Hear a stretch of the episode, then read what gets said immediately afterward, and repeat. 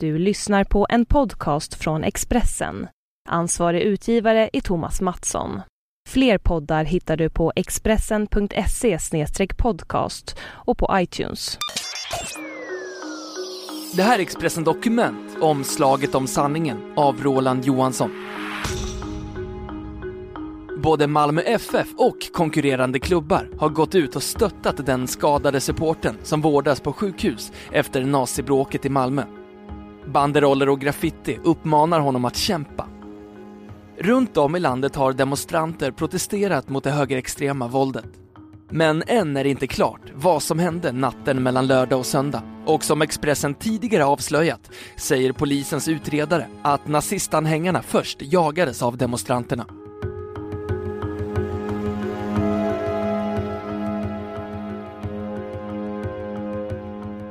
Fyra personer skadades varav en tvingades kämpa för sitt liv i flera dygn.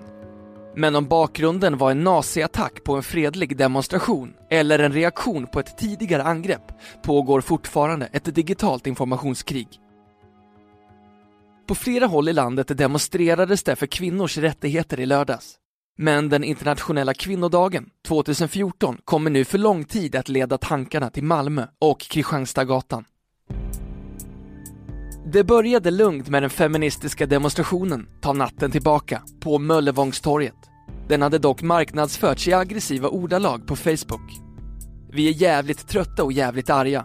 Trötta på att leva efter andras regler och villkor. Arga för att de tror att vi tänker anpassa oss, skrev de. Det var mot slutet av kvällen, på väg in i söndagsnatten, som bråket inträffade. Sex dygn senare finns det inte någon tydlig förklaring till vare sig upprinnelsen eller händelseförloppet.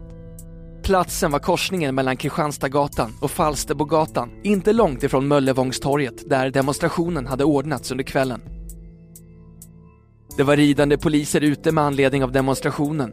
De var ute i området under natten och vid halv ett-tiden såg de ett mycket stort slagsmål och de larmade då direkt andra poliser i området, säger Linda Plame, pressinformatör för polisområde Malmö. Det visade sig att fyra personer, två män och två kvinnor, hade skadats allvarligt. En av dem, en 25-årig fotbollssupporter och vänstersympatisör, fick livshotande skador. Polisen uppgav igår att hans tillstånd ska vara stabilt. Till en början gick polisen ut med uppgifter om att det var en sammandrabbning mellan vänster och högeraktivister. Idag är man mer försiktig. Vi kommenterar inte det, för vi vill inte låsa in oss i en vinkel. Vi vet idag inte varför det hände eller hur det hände. Vi vill få in vittnesuppgifter från oberoende personer, säger Linda Plame. Informationskriget i den digitala världen inleddes direkt på söndagen. Nazistiska Svenskarnas parti kommenterade på sin sajt att medlemmar ur deras organisation hade överfallits under natten i Malmö. Samtidigt har vänsterinriktade researchgruppen publicerat en rad inlägg på Twitter med berättelser från natten mellan lördag och söndag. Ledande politiker som statsminister Fredrik Reinfeldt och oppositionsledaren Stefan Löfven har uttalat sig mot bakgrund av helgens knivtumult i Malmö. Förekomsten av nazism och rasism smutsar ner mycket av det som många tycker är bra med Sverige, uppgav statsministern i ett mejl till Expressen.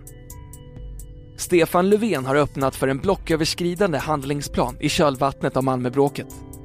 Jag tar gärna initiativ till en sån diskussion. Vad kan vi göra mer för att stå upp för demokratin, inte minst i ljuset av det som sker här?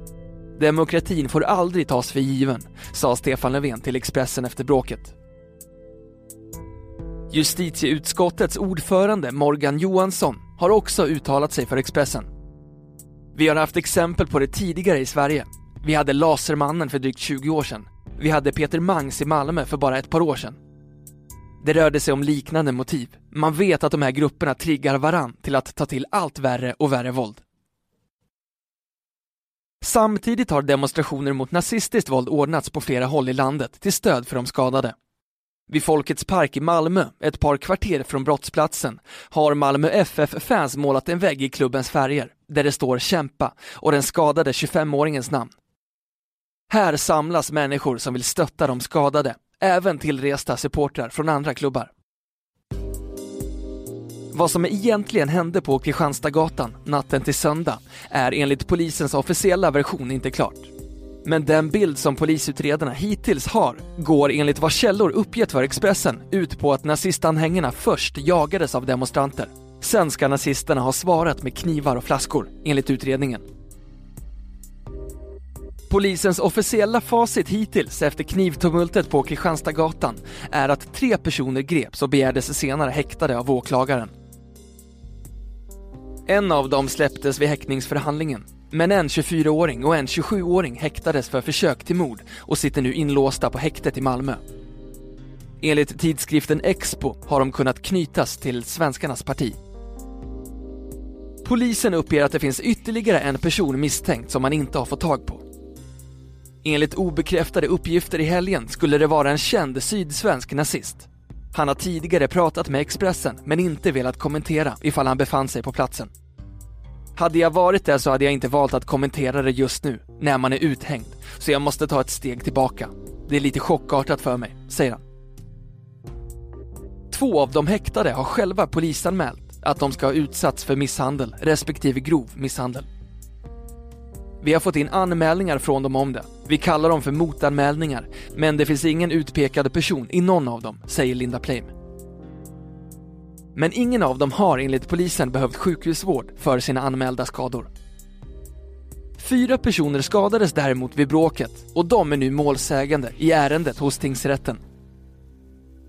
Som jag har förstått är det sannolikt att man inte valde sina offer slumpmässigt. Det förefaller vara personer som inte tillhör extremvänstern, men som aktivt och tydligt tagit ställning mot rasism och nazism, säger Agneta Blom, statsvetare vid Örebro universitet, som har arbetat med en regeringsutredning om våldsbejakande extremism. Hon oroas nu över att en våldsupptrappning kan komma i kölvattnet av Malmöbråket.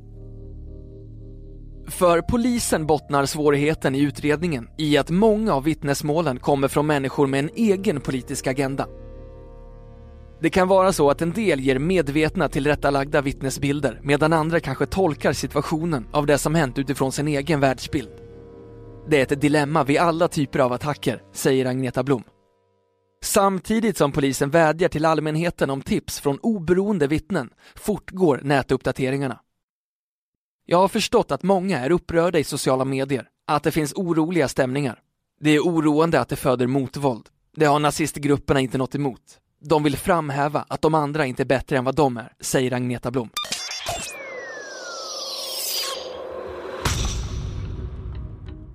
Du har lyssnat på en podcast från Expressen. Ansvarig utgivare är Thomas Mattsson. Fler poddar finns på Expressen.se och på iTunes.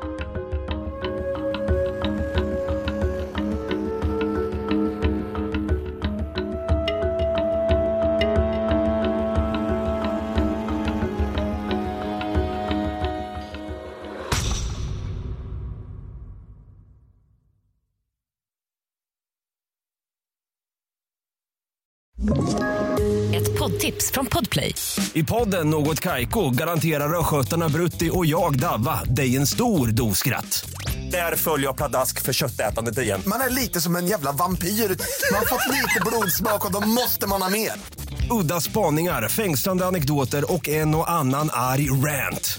Jag måste ha mitt kaffe på morgonen för annars är jag ingen trevlig människa. Då är du ingen trevlig människa, punkt. Något Kaiko, hör du på Podplay. Därför är gardinerna.